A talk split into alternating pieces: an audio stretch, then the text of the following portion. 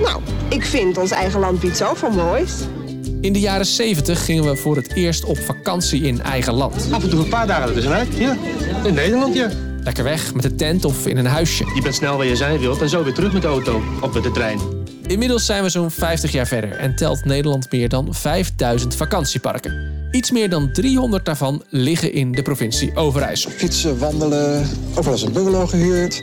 Ook in Overijssel is het op de meeste parken goed toeven.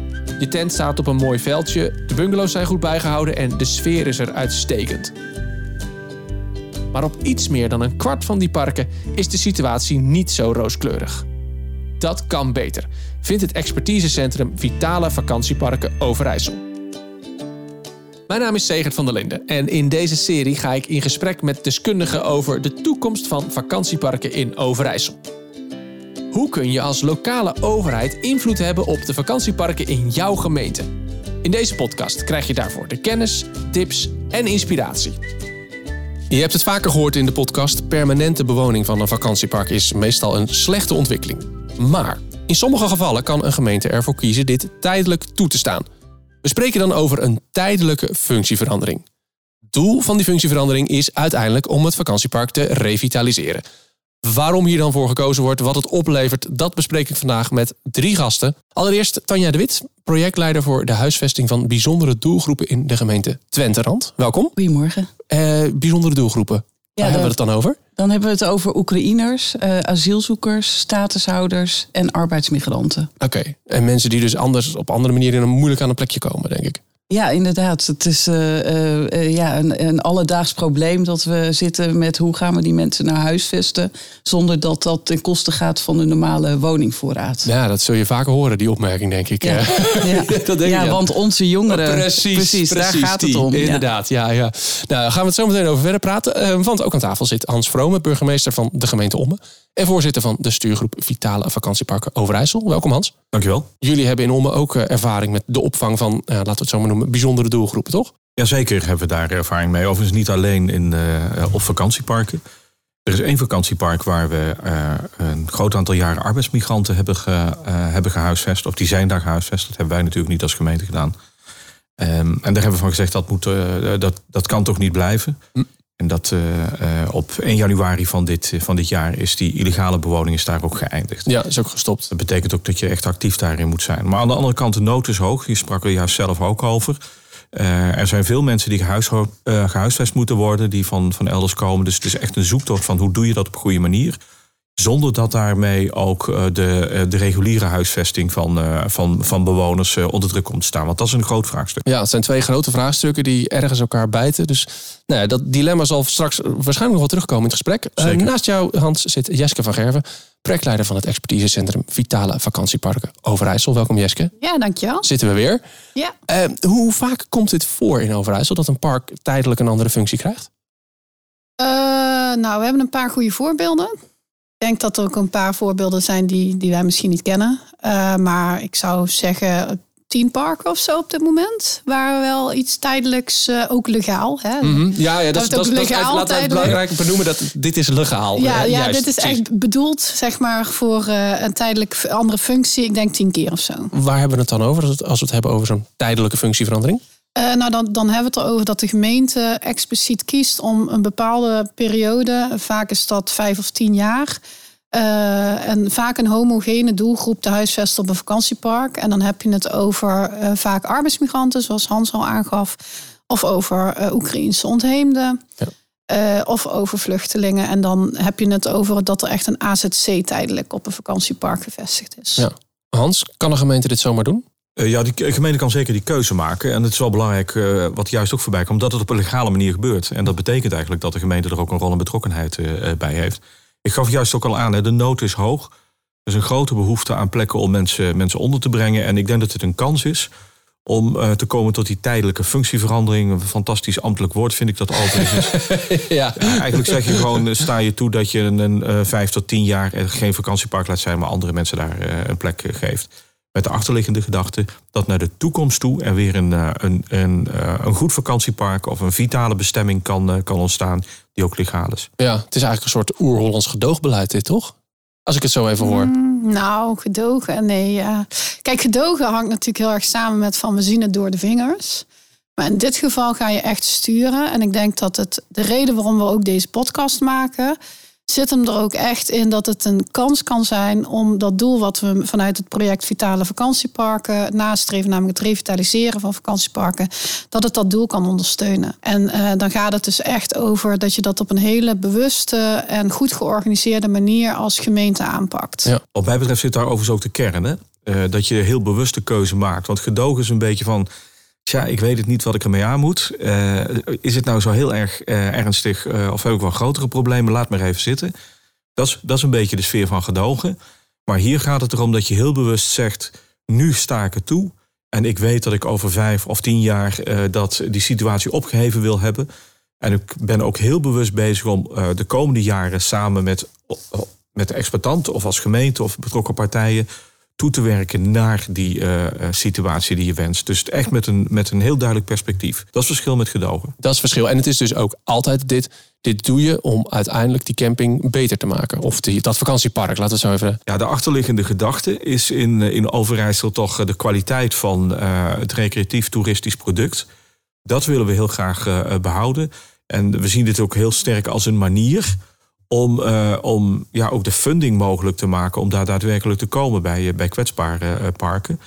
Dat is de ene kant. En de andere kant, ja, het kan natuurlijk ook niet zo zijn dat je een, een soort van permanente situatie organiseert waar mensen wonen op, in een situatie die je eigenlijk niet voor al je bewoners zou willen. Ja. Het gaat dus ook het kwaliteitsniveau. Mensen hebben recht op een, op een goede, goede goede huisvesting. Uiteindelijk moet dat ook het doel zijn. En dat ja. is niet op een vakantiepark. En je noemde net uh, gedogen. Nou, wij, uh, gedogen is eigenlijk dat je door de vingers ziet dat het gebeurt. Maar je vraagt ook daadwerkelijk een omgevingsvergunning aan. En daar, uh, er is eigenlijk strijd, tijdelijk strijdig gebruik van een locatie van toepassing.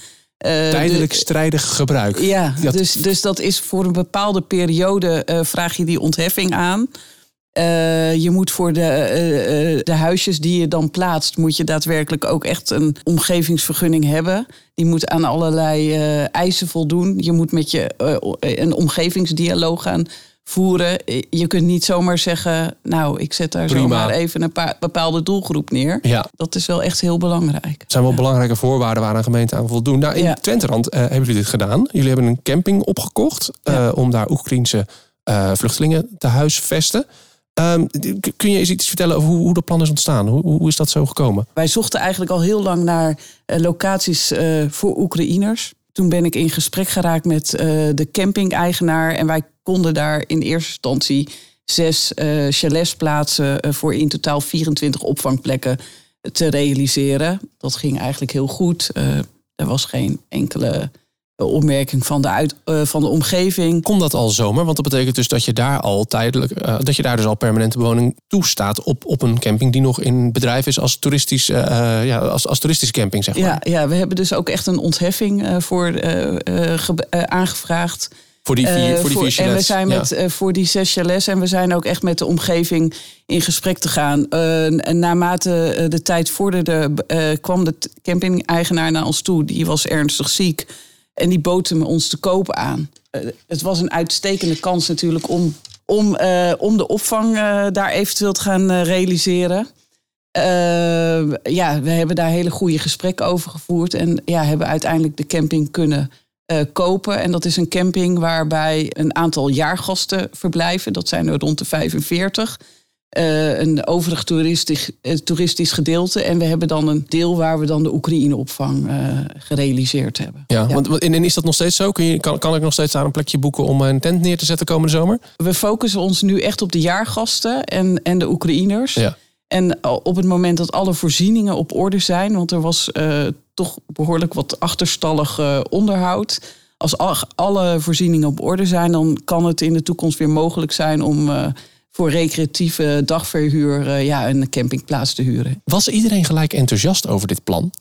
Uh, zeker niet. Nee. nee, nee, nee. Want in het verleden uh, was er ook een AZC mm -hmm. op deze locatie, georganiseerd door het COA. En ja, de buren, de hele heel Den Ham, vond dat geen goed plan. Want die zeiden, ja, jullie doen daar Oekraïners. En op het moment dat eh, die weggaan, dan gaan jullie daar toch asielzoekers huisvesten. Oh, Oké. Dus gelijk angst. Eh, gelijk angst. Ja, en ja. ja. ja, dat kun je niet garanderen. Maar goed, de Oekraïners zijn ook niet zomaar weg. Want die zijn hier toch al een tijdje en, en dat land is ook niet zomaar eh, opnieuw herbouwd. Dus eigenlijk door ja, continu in gesprek te gaan met de omgeving, eh, ja, is er eigenlijk een hele stabiele situatie ontstaan. En zijn er meerdere eh, kerken die zich actief eh, inzetten voor de doelgroep. Eh, vele vrijwilligers die het ontzettend leuk vinden om eh, überhaupt de camping eh, bij, betrokken te zijn bij de camping, maar ook bij de Oekraïne-opvang. Lijkt mij dus wel, wel een uitdaging. Want ik hoor in deze podcast heel vaak... als er gewoond wordt op een park... dat is vaak een teken dat een park achteruit aan het gaan is. Dat is voor de omgeving niet prettig. Voor de mensen die om die, om die camping wonen. En nu zegt de gemeente... we gaan juist dat doen. We gaan daar mensen laten wonen. Hoe was dat, hoe was dat in, in, in Ommehans toen jullie eh, daar die arbeidsmigranten gingen opvangen? Nou, dat, dat is niet een kwestie van dat de gemeente arbeidsmigranten ging, eh, ging opvangen. Daar is in de loop van, ik, ik meen wel 16 jaar, is een situatie ontstaan dat een vakantiepark eh, gebruikt werd om arbeidsmigranten te huisvesten. En dat is een hele tijd goed gegaan en ook geaccepteerd door de omgeving. Maar op enig moment is daar toch ook wel zorg gaan eh, ontstaan. En daar hebben we geprobeerd, eh, ook naar aanleiding van signalen van, eh, van eh, omwonenden, te kijken van hoe kunnen we tot een legale situatie komen. En daar is eh, tegen de exploitant van het park en ook de, de partij die mensen daar huisvesten, heeft gehuisvest, heeft gezegd van jullie krijgen anderhalf jaar om die situatie te beëindigen, de illegale situatie te beëindigen. En dat is ook daadwerkelijk gebeurd. En, en eh, je zei het al, hè, begin van het jaar is uiteindelijk is, is die, eh, eh, die bewoning door de arbeidsmigranten is beëindigd. Die zijn Ja. daar nu, nu weg. Eh, Betekent dat dat het vakantiepark nu gewoon weer toeristisch exploitabel is? Ja, de inzet van de, van de eigenaar is om, eh, om het weer echt een eh, vakantiepark te laten zijn. En ook een ondersteuning van het naast, eh, naastliggende hotel. Dus eh, echt die recreatief toeristische bestemming. Eh, overigens, de, de ehm, exploitant van, van dit park... eh, die meende wel dat hij tijdelijk nog een deel van deze groep... elders in de gemeente moest onderbrengen. En dat was ook niet in overeenstemming met, eh, met de bestemming... van waar de mensen terecht zijn gekomen. Het ging uiteindelijk over, over 60 mensen. En daar heeft eh, ehm, eh, de exploitant ook van de gemeente te horen gekregen... 1 maart moeten de mensen daar ook weer weg zijn. Ja, ja. Want je kunt niet de ene eh, illegale situatie vervangen door de andere illegale situatie. Dat schiet natuurlijk niet op. Jeske, waarom zou je dit soort bijzondere doelgroepen nou juist op een vakantiepark opvangen? Eh, ja, je ziet dat eh, gemeentes zijn, zijn, echt op zoek naar plekken waar ze eh, ja, toch op een, een relatief korte termijn veel ruimte kunnen vinden. En dan wordt er gekeken naar bijvoorbeeld industrieterreinen, soms naar hotels, maar ook naar vakantieparken. En ik denk dat vakantieparken interessant zijn, omdat een bepaald infrastructuur ligt er al in de grond. Het is heel lastig in sommige gebieden om bijvoorbeeld nieuwe stroomaansluitingen en gasaansluitingen te vinden. Nou, die liggen daar ook. Die liggen al eh, ja, ook voor een, eh, een grote, eh, grote capaciteit liggen die daar vaak al. Dus dat geeft een voorsprong. Wat je ook hebt, is dat er vaak veel capaciteit is. Bijvoorbeeld een groot hotel, nou, dan praat je over 50 kamers. Dan heb je 100, eh 100 plekken gerealiseerd. En heb je het over een me- medium vakantiepark, een middelgroot vakantiepark, dan heb je het nou, over 50 tot 70 eenheden. Nou, dat kun je al dan keer vier doen. Ik denk dat dat een groot voordeel is. En ehm, het voordeel van gecentraliseerd opvangen is dat, en dat merkte je ook heel erg in de interviews eh, die we voor die handreiking hebben ehm, gevoerd. Dat doet wat voor de beheersbaarheid. Over welke doelgroep je het ook hebt. Of dat je nou eh, Oekraïners gaat opvangen, of vluchtelingen of arbeidsmigranten gaat huisvesten op een locatie. Het maakt dat het eh, niet versnipperd in de gemeente plaatsvindt. En dat die mensen steun aan elkaar vinden. Dat je als eh, gemeente of als ondernemer, als het gaat over arbeidsmigranten, dat je één plek hebt van waaruit je de mensen die toch een gelijksoortige behoeftes op verschillende vlekken hebt, dat je ze kunt bedienen. Ja. En dat maakt een vakantiepark eh, aantrekkelijk. En vanuit ons project natuurlijk, ja, wij zijn op zoek naar mogelijkheden om een financiële basis voor revitalisering te zoeken. En als je bedenkt dat ehm, een reguliere eh, vakantiepark met, met, met verhuurunits, dus eh, zeg bungalows, die heeft een bezettingspercentage van doorgaans 52 procent. Ja. Als je het hebt over een eh, tijdelijke huisvesting, dan heb je een bezetting van om en nabij eh, ja, 95, 100 procent.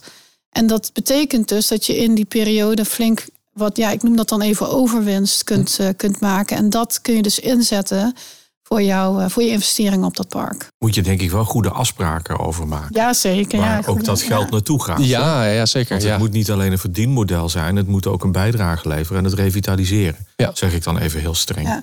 En, wij, en wij hebben dan echt wel eh, de exploitatie van de Oekraïne-opvang en de camping wel echt strikt gescheiden. Want dat is ook een eis voor eh, eh, de wet, markt en overheid. Ja, en dat eh, overigens die wet markt en overheid gaan we in de, in de handreiking ook uitgebreid op in. Want dat is inderdaad wel iets waar je rekening mee moet houden. Net als eh, aanbestedingswet en, en dergelijke.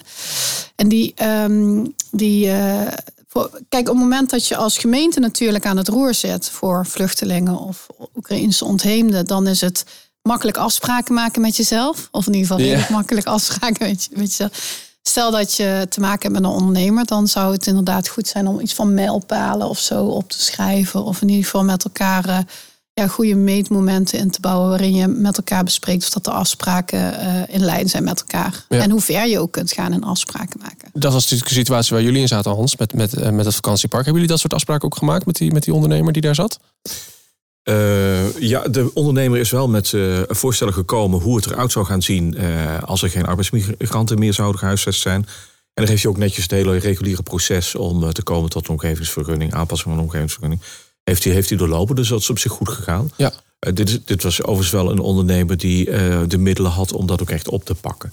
Dus misschien is het, was het ook wel een mooi moment voor hem dat van de kant van de gemeente gezegd werd van, eh, ja, zo kan dat niet. Die, eh, het is belangrijk dat arbeidsmigranten een goede huisvesting hebben. Dat is geen enkele discussie. Maar niet al 16 jaar illegaal. Dat Nee. kun je niet uit blijven leggen. En dat Ja. doen we ook niet. Dat moet ook niet. Dat moet je ook niet willen. En toen wij het vakantiepark aankochten, hadden wij ook illegale huisvesting van arbeidsmigranten. Eh, daarvan hebben wij toen afgesproken, nou je mag hier nog eh, nou ja, twee maanden blijven en dan moeten jullie verhuizen. Het ging gelukkig niet om grote aantallen, maar dat was allemaal eh, illegaal. Ehm, ja, wat, wat ik zelf nog heel erg belangrijk vind, is dat zo'n vakantiepark eh, biedt ook huis, de mogelijkheid om huisvesting echt zelf in de zelfredzaamheid te realiseren. Eh, bij, eh, ik heb eerder eh, een, ben ik betrokken geweest bij het realiseren van een Oekraïne-opvang in een grote school. En dan moet je je voorstellen dat je daar met twintig mensen Ja. op één kamer ligt. En je moet op hetzelfde moment eten en, en alles doen. Dat zijn eigenlijk geen houdbare situaties op langer termijn. En toen ik voor, bij de gemeente Twenterand kwam werken, deed zich eigenlijk de, ja, de mogelijkheid toe om zelfstandige huisvesting te realiseren. En dit park eh, in het bijzonder natuurlijk. Hier eh, heeft iedereen zijn eigen huisje. Je woont daar met je eigen gezin. Je hebt een eigen douche. Je hebt een eigen keuken. Je kunt daar gewoon net zoals wij normaal als Nederlanders leven. Met je gezin eh, wonen. En, je, en op het park kun je veilig spelen. Alles is gewoon mooi afgeschermd. En niemand heeft daar eigenlijk last van. Is allemaal misschien niet ideaal, zou ik bijna zeggen. Maar het geeft wel eh, de gelegenheid aan mensen om ook een gezinsleven te hebben. En dat is misschien nog wel veel belangrijker dan alleen een dak boven je hoofd.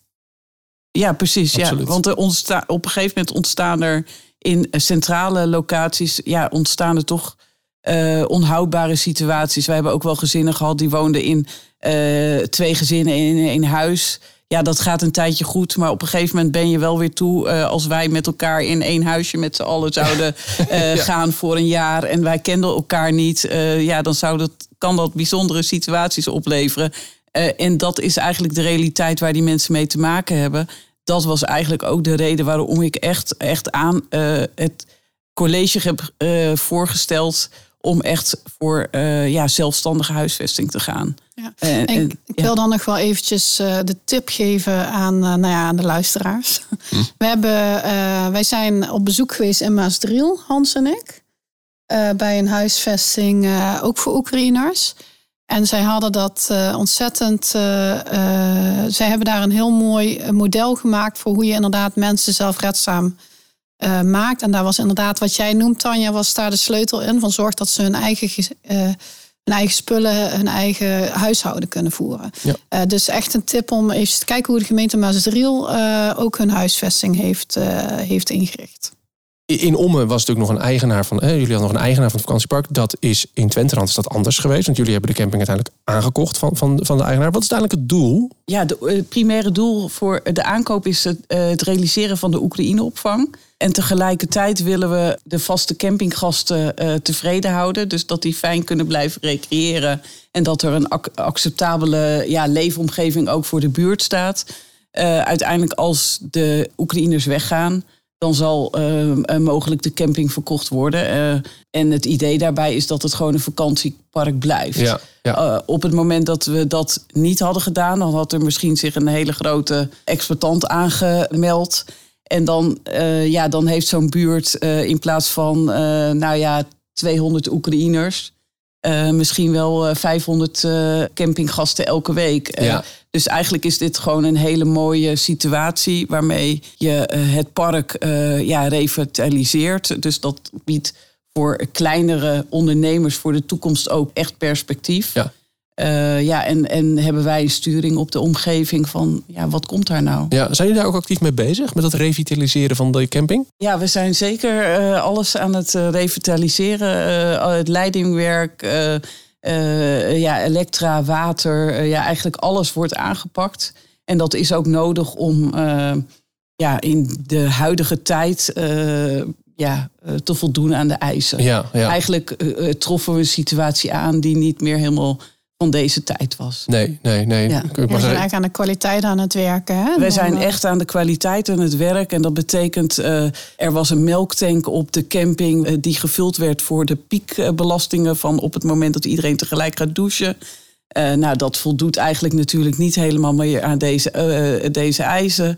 Dus daar komt dan een, een rein waterkelder. Eh, wij, wij hebben het zo ingericht dat alles elektrisch kan worden eh, in de toekomst. Dus er is een eh, middenstation gekomen. Dat betekent dat we niet meer van gas af- afhankelijk zijn in de toekomst. Eh, het riool moet uitgebreid worden. Want ja, vroeger was, eh, was het misschien goed, maar eh, ehm, tegenwoordig verbruikt men toch gewoon veel meer eh, water. eh, en ja, dat soort dingen kun je dan allemaal mooi meegeven aan een toekomstige eh, eigenaar. Ehm, ja, en die zijn, er, die zijn er wel. die kosten die jullie dan maken. Want dat vond ik echt enorm inspirerend aan, aan jullie voorbeeld. Ja. Eh, die kosten die jullie maken, die eh, kunnen ook deels gedekt worden uit de acties die jullie nu natuurlijk uitzetten met de opvang van Oekraïne. Zeg ik dat goed? Ja, dat klopt. Ja, voor de Oekraïners heb je twee soorten vergoeding. Je hebt de normvergoeding en de transitievergoeding. En wat wij dan doen, is dat wij eh, voor het aanleggen van nieuwe infra, om de Oekraïne-opvang te realiseren, vragen wij eh, transitievergoeding aan bij het ministerie. En dan eh, kun je daarmee dan de kosten dekken die nodig zijn voor het realiseren van de opvang. We hebben chalets aangekocht. Ehm, we hebben echt gekozen voor een duurzame investering. Eh, die betalen we dan uit de normvergoeding. Daar hebben we dan eigenlijk een lening voor bij de raad aangevraagd. En die betalen we dan af uit de normvergoeding. En op die manier wordt eigenlijk eh, dat vakantiepark vanuit een opvanglocatie eh, gerevitaliseerd. Ik vind het overigens wel heel erg mooi dat je op deze manier verschillende maatschappelijke vraagstukken die, die er liggen. Als het gaat over een kwetsbaar vakantiepark dat je wilt vitaliseren, de opvang van, van vluchtelingen in dit geval.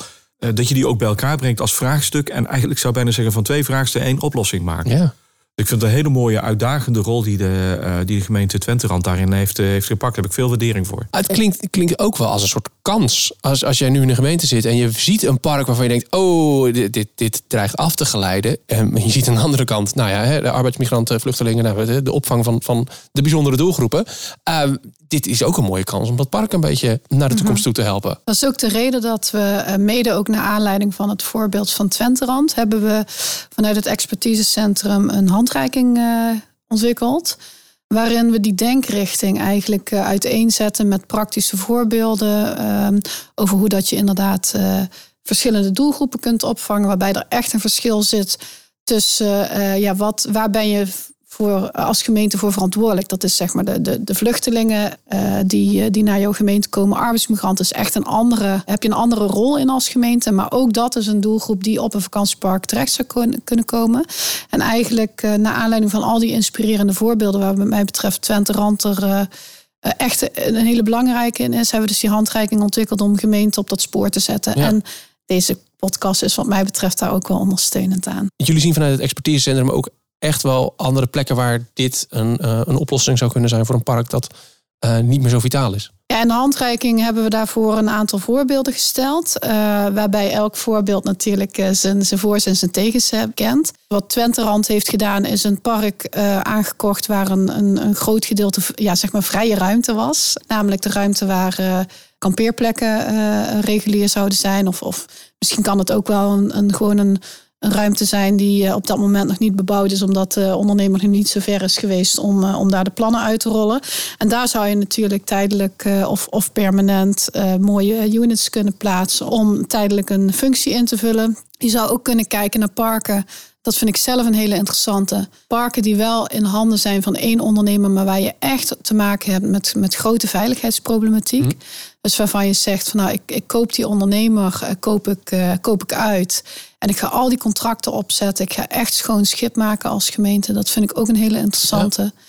En dan heb je ook het type park waar je misschien wat minder zorgen over hebt. Eh, dat vind ik het minste, maar het zou kunnen. Park waar je bijvoorbeeld veel vaste gasten hebt, waarvan je zegt, van, nou dat gaat op termijn gaat dat, eh, niet goed, gaat dat niet goed komen, maar iedereen houdt zich op dat moment netjes aan de regels. Dat zou ook een optie kunnen zijn dat je als gemeente zegt van nou daar wil ik iets gaan doen voor vluchtelingen. Maar dan zit je ermee dat je eigenlijk mensen gaat wegjagen die zich eigenlijk netjes aan de regels houden, maar waarvan jij zelf als gemeente zegt nou die kwaliteit vind ik niet helemaal goed. Ja. Dus daar moet je denk ik een beetje mee opletten. En dan heb je nog een categorie parken. En dat is het park wat uitgepont is. Daar hebben we het ook al diverse keren over gehad. Dus dan heb je een park met heel veel verschillende eigenaren. Daar zou je ook naar kunnen kijken volgens mij als gemeente. Uh, maar dan heb je dus met al die verschillende eigenaren te maken. En dan moet je echt een lange adem hebben. En dan zou je kunnen zeggen van nou, ik ga uh, bijvoorbeeld op een bepaalde vrije ruimte, bijvoorbeeld de centrale speelplek of zo, ga ik tijdelijk uh, iets plaatsen. En ik ga aan alle eigenaren het aanbod doen om hun woning aan te kopen. Zodat je uiteindelijk dat hele park weer in één hand hebt. Het moeilijkste voorbeeld, maar ook wel het meeste te halen, denk ik. Wat ik zelf mooi vind uh, aan de handleiding is dat het niet een soort van stappenplan, stap 1, 2, 3, 4, dan 17 en dan kom je er vanzelf. Nee, in, het, uh, in de handreiking worden ook echt ervaringen en lessen uit Overijssel, maar ook buiten, van buiten Overijssel worden, worden besproken. En ook de hele context van de oplossingen die je kiest. Hoe ga je om met de omwonenden? Hey, waar zijn risico's? Mooi om dit te doen, maar denk hier ook eventjes aan. Dus hij is heel praktisch en heel erg, ik zou bijna zeggen, direct toepasbaar. Ja. En het zet je ook, en dat deed het mij in alle eerlijkheid ook, het zette mij ook aan tot denken van hé, hey, maar als dit kan, kan dit misschien ook wel. Ja. Dus uh, uh, nou, dat in het kader van promotie. heel goed, heel goed. Nou, en je noemt een heel uh, goed punt, daar kan ik dan weer een bruggetje van maken. Dus daar ben ik er weer blij mee. Je zegt omwonenden. Um, Tanja, ik kom even weer bij jou. Je, je noemde het net al heel eventjes, maar er zijn, zijn natuurlijk veel meer partijen betrokken dan alleen maar de gemeente en de Oekraïners die daar opgevangen worden. Er zijn ja, omwonenden, klopt. er zijn campinggasten. Ja. Er zijn heel veel partijen betrokken die, die, die, die er iets van vinden. Ja. Hoe krijg je die mee in zo'n proces? Dat lijkt me een grote uitdaging. Nou, de, het hele dorp vindt er natuurlijk wat van. Precies, ja. De buurt, de buurtvereniging en de campinggasten die er uh, al jaren verblijven, uh, soms wel uh, 40 jaar, die hebben ineens te maken met Oekraïnse vluchtelingen. En de gemeente die dan besluit eh, ja, die camping te kopen, kan ik hier wel blijven staan? Nou, wat wij eh, hebben gedaan is dat wij vanaf het moment dat het bekend werd, uh, zijn we echt dezelfde avond bij de buurt uh, met de burgemeester en de wethouder in de hele buurt langs gegaan. we hebben omwonende avonden georganiseerd waar omwonenden geïnformeerd werden over onze plannen. we hebben bijeenkomsten voor onze campinggasten georganiseerd en we, gaan, zijn in gesprek gegaan van wat is nou voor jullie belangrijk? En nou, de campinggasten die zeiden van. Nou, wij vinden het voorbeeld uh, belangrijk. Ja, er staat wel zo'n uh, unit waar uh, wij nu kunnen wassen. Straks komen er 200 Oekraïners. moeten die daar ook in kleur, kleren wassen? Of wordt dat op een andere manier opgelost? Wij komen hier op het vakantiepark aan. En dan willen wij wel echt een vakantiegevoel hebben. Kunnen die Oekraïners niet een andere ingang krijgen? Nou, naar allemaal dat soort aspecten hebben we echt geluisterd en dat geïmplementeerd. Ja. Zij kwamen ermee dat zij zeiden van ja, we verblijven hier wel al jaren. En we vinden het echt een hele fijne plek. Alleen het is zo achterstallig qua onderhoud. Uh, op het gebied van groen en gebouwen. Gaan jullie daar wat aan doen? Nou, zij waren eigenlijk uiteindelijk ontzettend blij. En dat, dat krijgen we ook wekelijks teruggekoppeld van ze. ja, dat we eigenlijk alles aanpakken. Ja, ja. En die buurt, die, eh, als de buurt ziet dat het, eh, dat het een mooi, vitaal park eh, wordt, dan krijg je de rest van de, van de mensen eigenlijk wel vanzelf mee. Alleen ze moeten eerst zien en je, moet, je moet vooral je afspraken nakomen. Ja, en dan gaat het eigenlijk wel vanzelf. Dus je moet eventjes een beetje door de zure appel heen als het nieuws verspreid wordt. Maar als je constructief met inwoners en campinggasten in gesprek gaat. eh, en ook daadwerkelijk met oplossingen komt, laat zien dat je naar ze luistert. Dan gaat die, van, die omgeving wel vanzelf mee. Wat ik ook heel mooi vond aan jullie voorbeeld, wat ik daar in ieder geval eh, in mijn oren geknoopt heb, is dat jullie ook zeggen van wij willen een hele mooie toekomst voor deze plek. En die toekomst die willen we met de omgeving maken. Want ik was natuurlijk heel erg benieuwd van, ja, maar de- hoe ga je revitaliseren? Hoe gaat het eruit zien? Wat, wat dan? En toen zei jij ook van ja, wij willen echt de tijd nemen om met de buurt de dialoog aan te gaan hoe het er hier moet uitzien en welke functie het exact moet invullen. En, eh, nou ja, vanuit het programma Revitalisering van vakantieparken was ik natuurlijk heel, heel benieuwd naar dat einddoel. Maar ik vind eigenlijk dat proces dat jullie daarvoor nemen, eh, vind ik echt heel mooi eh, en inspirerend daarin. Nou ja, het, het, het heeft ook eh, eh, goed uitgepakt. En eh, ja, eh, we zijn daar echt bijzonder blij mee. En ja, ook niet alleen eh, ja, de- hoe het proces gelopen is, maar we zijn ook echt blij dat, dat, ja, dat je eigenlijk. eh, als je de goede gesprekken voert, dat je dan ook echt het vertrouwen van je omgeving krijgt. Dat is echt heel Hebben mooi aan dit hele proces. In de, voor de handreiking heb ik een aantal eh, burgemeesters samen met mijn collega's geïnterviewd. Burgemeesters en wethouders en projectleiders. En eigenlijk was daar wat jij, wat jij zegt, Tanja, kwam daar ook heel erg naar voren. Er was één burgemeester die was zelfs op de fiets eh, alle omwonenden eh, gaan bezoeken op zaterdagmiddag. Om overal aan te kloppen en te vragen van... hey, dit zijn we van plan, wat vind je ervan? Wat zijn je zorgen? En inderdaad, echt die aandacht voor die omgeving is daar wel cruciaal in geweest. In, eh, in het succes voor het draagvlak. Ja. Want je neemt wel een risico. Ook als, en ook als, als bestuurder, ook als burgemeester bijvoorbeeld, Hans. Ik, hè, dan kijk ik natuurlijk gelijk even naar jou. Dus we hebben over burgemeester. Je neemt ook wel een, een, een flink risico. eh, dat, je, dat je een deel van je, van je gemeente misschien wel tegen je in het harnas jaagt met zo'n plan. Nou, weet je, ik zeg altijd van als je niet bereid bent om risico's te nemen, moet je geen bestuurder worden. En dan helemaal geen burgemeester en zeker niet in deze tijd. En toch is het mooi om dat te doen. Ja, ik zie zeker risico's. En daarom vind ik ook het voorbeeld dat Tanja schetst wel heel erg goed. Want er zitten twee elementen in die wat mij betreft heel erg belangrijk zijn. Het is niet een quick fix waar we hier over praten. En het is niet eh, even een snelle actie. Het gaat erom dat je goed doordenkt wat je wilt. Er de tijd voor neemt. En ook de omgeving heel erg betrekt. Dat is, dat is cruciaal. En dat betekent niet dat aan het begin iedereen staat te juichen. Dat, eh, eh, helaas is dat niet altijd zo. Maar dat je wel eh, aangeeft waarom mensen meeneemt en zorgen serieus neemt. Ik vond het voorbeeld van de collega die op de fiets langs gaat, vind ik heel erg mooi. Ik ben niet zo'n fietser, maar ik herken die, die, die, die manier van communiceren met je inwoners, herken ik wel heel sterk. Eh, eh, spreekt me ook aan, ervaar ik ook dat het, dat het werkt om dat zo, zo te doen. Dus je, ik zou bijna zeggen, je moet daarin duidelijk weten wat je wilt. Je moet standvastig zijn, maar je moet ook zorgen serieus nemen. En eh, daarmee ook vanuit misschien wel de schrik van het begin en van het eerste moment toegroeien naar een uiteindelijk goede situatie. En dat vind ik ook wel mooi dat, ze, dat Tanja zegt dat ook de huidige gebruikers, die natuurlijk ook eh, in, op, op het park waar jij over praat, eh, geschrokken zijn, uiteindelijk zeggen van hé, hey, maar dit is, dit is eigenlijk toch wel een kans. En, Ja. dat is, en, dat is, en op die manier helpen we uiteindelijk ook die sector weer verder. Want dat, dat, dat bruggetje wil ik ook nog pakken. Het gaat erom dat we ervoor zorgen dat er een goed recreatief toeristisch product weer ontstaat. Ja. En eh, dat het van daaruit ook een veilige omgeving wordt. Dat is ook een vraagstuk waar we natuurlijk in, in, in dit, in, in- vanuit het expertisecentrum aan werken. De pro- provincie heeft dat in, eh, ik denk dat dat 2021 was, heeft dat ook onderkend. Die hebben in de omgevingsverordening ook opgenomen dat, er, eh, dat, dat gemeenten eh, de mogelijkheid hebben om die tijdelijke functieverandering van 10 jaar om die, eh, om die toe te staan. Dus de, ook vanuit provinciaal beleid wordt dat, wordt dat ondersteund.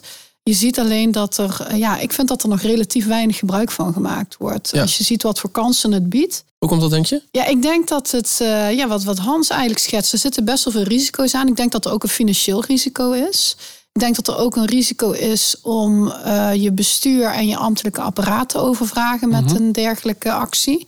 Want eh, volgens mij, Tanja, ben jij ook echt eh, extern aangetrokken destijds om dit ook te gaan doen. Dus je moet die mensen ook maar net zien te vinden. Ja, als je zo'n project uh, gaat doen, dan moet je wel echt van alle markten uh, thuis zijn. En, en, en, en, je moet echt bijzonder veel lef hebben. Uh, ik denk dat dat niet alleen als college, maar ja, ambtelijk moet je ook echt iedereen meekrijgen om om dit te realiseren. Ja, En, en als je het hebt over na de overvraging van mensen, met hoeveel mensen doen jullie dit in Twenterand? Nou, we hebben natuurlijk regulier afdelingen die gaan over groen, infra, gezondheidszorg, et cetera. Maar goed, ik, ik doe dit eigenlijk wel met een heel klein basisteam. En daaromheen zijn ja, andere, andere afdelingen betrokken. Ja, ja en, en, en een goede, goede aannemer. een betrouwbare. betrouwbare ja, een betrouwbare. Nou ja, niet. ja, eentje die tijd heeft, maar die het ook echt ziet als een uitdaging.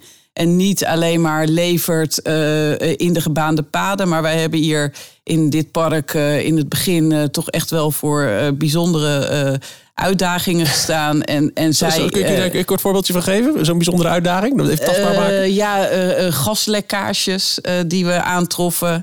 Nou, dat moet je dan toch eventjes oplossen. En dan, ja, dan sommigen zeggen, ja, bij ons moet je niet zijn, want dat, dat kunnen wij niet. En zij hebben gezegd: het maakt niet uit wat we ervoor moeten doen, maar we gaan het gewoon voor je regelen. En dat is in het hele proces, is dat continu ja, de basis geweest. En ook het vertrouwen dat we het met elkaar ja, gewoon echt op een goede manier gingen realiseren. Ja. Vind ik ook wel een mooie zoals Tanja dat schetst. Hè? Want uiteindelijk gaat het daarover. Want we hadden het juist over bestuurlijke risico, risico's. En dan oei, oei was bestuurlijk ingewikkeld. Uh, maar uiteindelijk gaat het in, in, in de praktijk over de dingen die gebeuren. En, en mensen die er de schouders onder zetten, de energie voor hebben. Ja. En die misschien af en toe denken als Pipi Langkous... ik heb het nog nooit gedaan, dus ik denk wel dat het kan. Nou, dat zie ik, dat zie ik Tanja ook doen. En zoals je er ook over praat. En volgens mij hebben we dat ook, ook nodig. Hè. We moeten er even anders naar kijken. Uh, we moeten het niet zien als een bedreiging en moeilijk en ingewikkeld. Ja, dat is het ook allemaal, maar het is ook een kans. Ja. En daarom is die tijdelijke functieverandering, zoals we dat deze podcast ook noemen, zo'n mooi instrument om, uh, om te gaan benutten. Kijkers, er wordt ruimte gemaakt door provincie en die kun je als gemeente en die kun je als ondernemer ook, uh, ook pakken, want ondernemers hebben er ook een belangrijke rol bij samen met je, uh, met je gemeente. Maar dan kan het ook een oplossing zijn om tijdelijk mensen op te vangen. Tijdelijk mensen huisvesting te geven. Zonder verdringen op de woningmarkt te laten ontstaan. Maar aan de andere kant ook weer met heel veel enthousiasme, heel veel creativiteit. Dat, dat uh, toeristisch-recreatieve product neer te zetten. Dus ik heb veel bewondering voor de wijze waarop Tanja dat doet. En zo, zoals ze er ook over praat. Als je dit doet, krijg je ontzettend veel energie.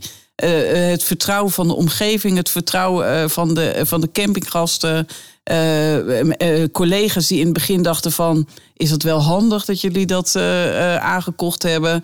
Maar, maar als je laat zien ja, wat, wat, wat je ermee wil bereiken... en hoe je dat aanpakt... En dan krijg je eigenlijk iedereen op je weg wel mee. En dat, dat is eigenlijk wat er bij ons wel gebeurd is. Ja. Enthousiasme is aanstekelijk, hè? Ja, ja. klopt, hè? Ja. ik, ik ja. voel hem hier zo een beetje. Ja, ja je, je proeft het, ja, mooi. Je luistert naar de podcast Vitalisering Vakantieparken, een podcast van het expertisecentrum Vitale Vakantieparken Overijssel. Mijn naam is Zegert van der Linden. Wil je meer weten over de onderwerpen uit deze aflevering? Kijk dan in de show notes of op expertisecentrumoverijssel.nl. Over twee weken staat er een nieuwe aflevering voor je klaar. Bedankt voor het luisteren en graag tot de volgende aflevering.